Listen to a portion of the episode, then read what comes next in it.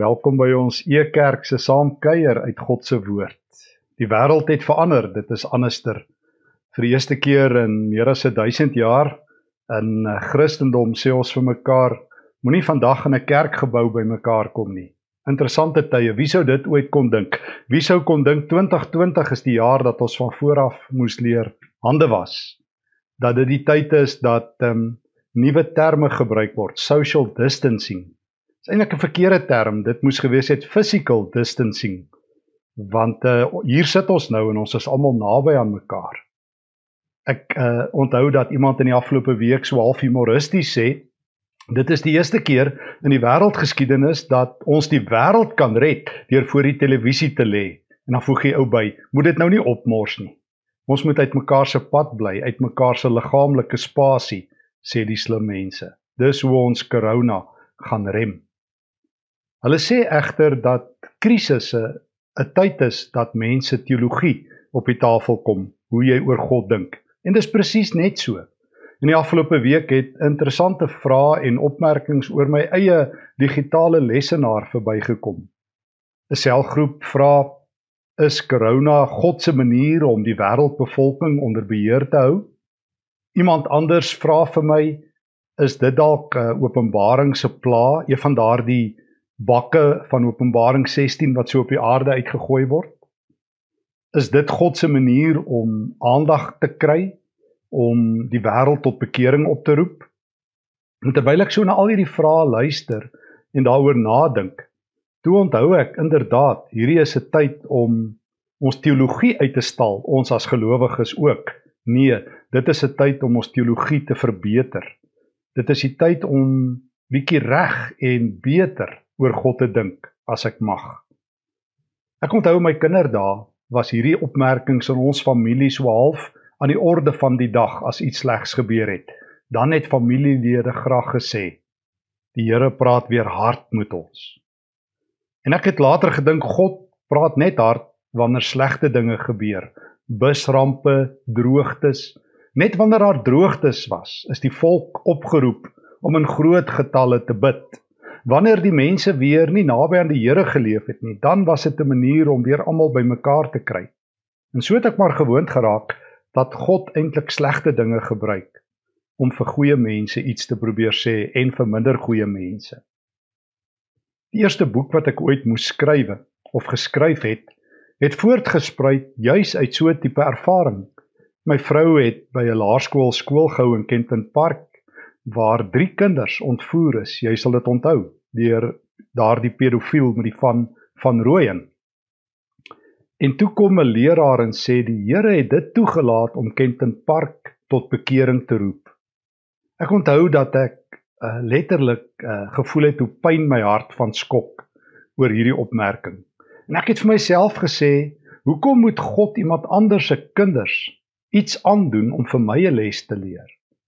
En dit het gemaak dat ek begin dink het dat my teologie 'n slag deur die wasmasjien van die hemel moes gaan en dat God se woord van toe af my skuilplek, my veilige vesting, my studieboek, my nadinkboek, my gebedsgids, my lewensgids geword het.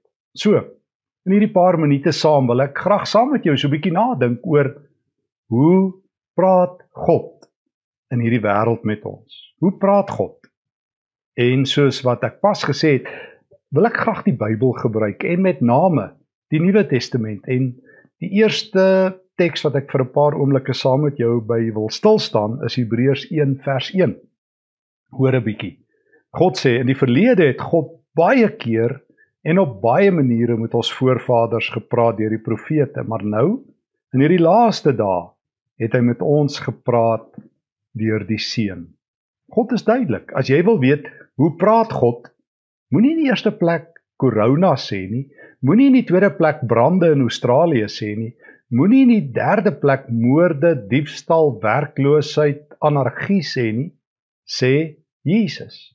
God sê, as jy hom wil hoor, as jy hom in stereo wil hoor, as jy hom soos die Engelse sê, in surround sound wil hoor. As jy God op 10000 plekke wil hoor, luister na Jesus. Jesus is God se stem. God sê so, nie ek nie. Hebreërs 1 vers 1 en 2. In hierdie eindtyd, in hierdie laaste dae, in hierdie nuwe era wat aangebreek het, het God besluit om baie eenvoudiger te praat. In die Ou Testament het hy op baie maniere gepraat. En soos wat ek altyd sê, as ek hoor mense vra vra oor God ook in hierdie tyd, dan vra ek altyd gaan haal hulle hulle teologie uit die Ou Testament of uit die Nuwe Testament? Moet my nie verkeerd hoor nie. Die Ou Testament is ook God se woord, maar dit is die Eerste Testament. Daar het 'n opgradering plaasgevind. God het sy spreuke, sy manier van praat verander. Hy praat nou deur Jesus. Jesus het God se nuwe stem geword. Hy is God se nuwe stem. So as jy God wil hoor, praat oor Jesus. Hoe help dit ons in 'n tyd soos hierdie? O, dit help ons eindeloos baie. Dit het die vroeë kerk nog altyd gehelp toe hulle krisisse in die oë gestaar het. Toe die vroeë kerk daar in die 50er jare toe die apostel Paulus in Tessalo in Tessalonika was en later in Korinte en daar groot hongersnode was. 'n Paar jaar vroeër in die jaar 48 44 tot 48 na Christus toe 'n reuse hongersnood Jerusalem getref het. Jy sal in Handelinge 11 daarvan lees. Toe die Christene Jesus gehoor, hulle het Jesus se hart gehad en hulle hande en hulle harte het oopgegaan en hulle het mekaar gehelp. Kom ons vra nog 'n vraag. Hoe praat God? Hy praat deur Jesus. Nou is dit mos logies dat ons 'n volgende vraag op hierdie Sondagoggend vir mekaar moet vra. Hoe praat Jesus? Weereens, Ek het so 'n bietjie groot geword en opgegroei onder 'n teologie van dreigemente. Dreigemente met die hel. Ehm um, 'n standaardvraag in my wêreld was as jy vanaand doodgaan, waar gaan jy heen? En hopelik um, sou jy dalk kon sê na die Here toe, maar eintlik het daar 'n groot hel gewag. Dit het aldag vir my gevoel vir ons mense in die hemel wil kry deur hulle bang te maak met die hel dat ons die oppositie moet gebruik as bemarkingsmateriaal vir die hemel. Groot was my verrassing toe ek self bietjie deur die evangelies begin lees in die oorspronklike taal en agterkom dat die Griekse woorde vir die doderyk en die hel net 15 keer op Jesus se lippe is. Hy dreig mense nooit met die hel nie. Ja, dis 'n realiteit. Maar weet jy wat sê Jesus? Weet jy hoe praat Jesus? Mag ek jou gou-gou na die Johannes Evangelie toe nooi? Jy onthou Johannes 6 vers 35. Ek is die brood wat lewe gee. So praat Jesus, kom na my toe en julle honger sal weggaan. Johannes 8 vers 12. Ek is die lig vir hierdie donker wêreld. Die wêreld is donker, ook nou. Maar Jesus sê ek is die lig. Johannes 10 daar in vers um, Ek is die deur. Um ek maak die deur oop na God toe. Uh wie deur my ingaan, sal lewe en oorvloed hê. Steeds daar in Johannes 10. Ek is die goeie herder. Twee keer sê Jesus dit daarvan af vers 11. Ek is die goeie herder. Ek is die een wat my skape oppas teen die wolwe. Ek is die een wat my lewe aflê. Ek is die een wat my skape in my handpalm vashou. En as jy net een hoofstuk verder lees, Johannes 11 vers 25, wanneer Jesus gekonfronteer word met die realiteit van die dood, sy vriend Lazarus het gesterwe, wat sê Jesus? O ek is die opstanding en die lewe. In Johannes 14 daardie aand kort voor Jesus se kruisiging, wanneer hy met sy disippels vir oulaas praat, leer hy vir hulle in Johannes 14 vers 6 sy baie bekende woorde: Ek is die weg, die waarheid en die lewe. En net 'n rukkie later, ook in Johannes 15, ek is die ware wingerdstok en my Vader is die landbouer. Daai het jy dit 7 keer in die Johannes Evangelie. Johannes 6 tot by Johannes 15 sê Jesus, ek is die brood, ek is die lig, ek is die deur, ek is die goeie herder, ek is die opstanding en die lewe, ek is die ware wingerdstok. Dis hoe God in ons wêreld praat. Hy praat deur Jesus. En as jy Jesus wil hoor, dan hoor jy lewe en oorvloed en beskerming. Maar weet jy wat? God praat ook in hierdie wêreld nou in 2020 op 'n spesifieke manier. Nie deur corona nie in die eerste plek, nie deur rampe nie, Nee, nee, nee. God het baie beter spreekbuise gekies. Mag ek jou gou nooi om saam met my net in in 2 Korintiërs hoofstuk 3 te hoor hoe God praat in 'n wêreld wat ehm um, uitmekaar val en partykeer donker is. 2 Korintiërs 3 vers 7 hier skryf Paulus dat ehm um, om vers 3 julle self is ons aanbevelingsbrief geskryf op ons harte vir almal om te lees en te verstaan. Dit is tog duidelik dat julle 'n brief van Christus is deur ons diens geskrywe, nie met ink nie, maar met die gees van die lewende God, nie op klip nie, maar op die harte van mense. Daar het jy dit. God praat deur ons, deur jou en my. En hoe kan ons dit gemis het? Ons is God se briewe, geadresseer na sy wêreld toe, uitgestuur in die naam van Jesus, geskryf met die bloed van die kruis, um toegerus deur die Heilige Gees self. So wil jy weet waar is God in 2020 as corona die wêreld tref? Hoe hy's waar hy nog altyd is, uh op sy hemelse troon, maar deur sy gees is hy ook nog waar hy nog altyd is vandat hy deur Jesus praat by sy kerk, by by gelowiges. En daar waar gelowiges is, daar is die Here. Dis 'n bietjie hartseer dink ek dat die grootste vraag tussen Christene deesdae eintlik is, hoe gaan die Here ons beskerm?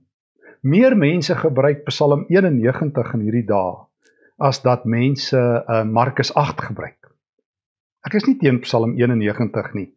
Die Here sê hy sal ons bewaar. Maar die Nuwe Testament vra 'n groter vraag. Vra die Markus 8 vers 34 en 35 vraag. Is jy bereid om jou lewe af te lê vir my? Is jy bereid om dit wat jou identifiseer en definieer en dalk nou jou veiligheid vir my te gee? Die vraag van die Nuwe Testament is nie hoe kan ek myself isoleer en preserveer nie. Die vraag is die vraag waarmee Paulus in Handeling 21 vers 10 en 11 gekonfronteer word. Hoe kan ek diensbaar bly? Hoe kan ek steeds 'n lewende brief bly vir Christus? Weet jy? In die jaar 165 tot 180 het 'n reuse pandemie die Romeinse ryk getref. Ons vermoed dit was waterpokkies of masels. 5 miljoen mense word bereken het gesterf tot 2000 per dag in Rome alleen, sê Dio Cassius, die ou groot geskiedskrywer. En weer in 251 tref 'n soortgelyke pandemie. Dan sterf tot 50% van almal wat die virus onderlede het. Ehm, beroemde navorsers soos Rodney Stark, die groot sosioloog, sê die Christene se optrede het die voortbestaan van die menslike ras verseker. Christen het nie gevlug en pad gegee en net gevra hoe kan ons beskerm en geïsoleer word nie. Ja ja, hulle was verantwoordelik. Maar nie so verantwoordelik dat hulle onttrek het en gevlug het nie, want waarna toe vlug jy? Hulle het gesê, "Hoe kan ek ook Jesus se hande en voete wees?" Omdat hulle siekes versorg het en kos beskikbaar gestel het, is die wêreld gered. So die vraag wat ons vanoggend vir mekaar vra, hoe praat God? Hy praat deur Jesus. Hoe praat Jesus? Hy sê ek is die brood, die lig, die lewe, die opstanding, die weg. Jesus het hande en voete, dis jy en ek. Ons is sy lewende briewe. Ons kan vir mense bid. Ons kan geldelik betrokke bly by arme mense. Ons kan ons harte oopmaak vir die minderbevoorregtes op die rand van die samelewing. Dis waar ons moet wees. En laastens, hoe gaan ons aanhou leer in hierdie dae? En ek sluit af met dit met Johannes 14 vers 26 waar die Here Jesus sê op 'n aangrypende manier vertel hy juis hierso. Dit sê ek vir julle terwyl ek nog by julle bly. Ek sal die Vader vra en hy sal in my naam vir julle die voorspraak stuur die Heilige Gees. Hy sal julle alles leer en herinner aan alles wat ek vir julle gesê het. Vrede laat ek vir julle na. My vrede gee ek vir julle. Die vrede wat ek vir julle gee is nie die soort wat die wêreld gee nie. Julle moenie ontsteld wees nie. Julle moenie bang wees nie. So, gaan ons leer uit ons foute? Gaan ons leer uit die lewe? Nee, ek dink nie so nie. Ons gaan 'n beter leermeester hê, die Heilige Gees. Baie mense sê, mense moet uit jou foute leer. Die Nuwe Testament sê, kry vir jou 'n beter leermeester as jou eie foute. Kry vir jou 'n beter leermeester as corona. Kry vir jou 'n beter leermeester as swaar kry kry die Heilige Gees. Hy is aan diens. En as jy hom in jou lewe inlaat op nuwe maniere, gaan Jesus se vrede, die Shalom van die hemel, ook op die aarde wees. Jesus is op pad om weg te gaan, hy's op pad om gekruisig te word en hy deel vrede uit. Die wêreld is besig om te swyg onder die koronavirus en Jesus deel vrede uit. So hierdie is die tyd om so bietjie uit mekaar se liggaamlike spasie te bly. Maar is die tyd om ons teologie 'n goeie diens te gee, 'n goeie check-up te gee soos my oupa sou sê. Hoe gaan ons dit doen? Ons gaan begin vra hoe praat God? Hebreërs 1 vers 1. God praat deur Jesus. Wat sê Jesus? Ek is lewe en oorvloed. Hoe doen Jesus dit? Hy gebruik 2 Korintiërs 3 vers 3, lewende briewe. Wie gaan ons die beste help in hierdie tyd? Die Heilige Gees. Hy is ons leermeester. Jesus se vrede is by ons. Nou toe, gaan wees Jesus se mense. 'n Vriend van my, Leonard Sweet, sê aldag: "’n Mens kan jou meubels kies en jou klere, maar jy kan nie die tyd kies waarin jy lewe nie." Dis die lewe wat ons nou het. Corona 2020 Maar Christus is by ons al die dae tot die einde. Kom ons bid.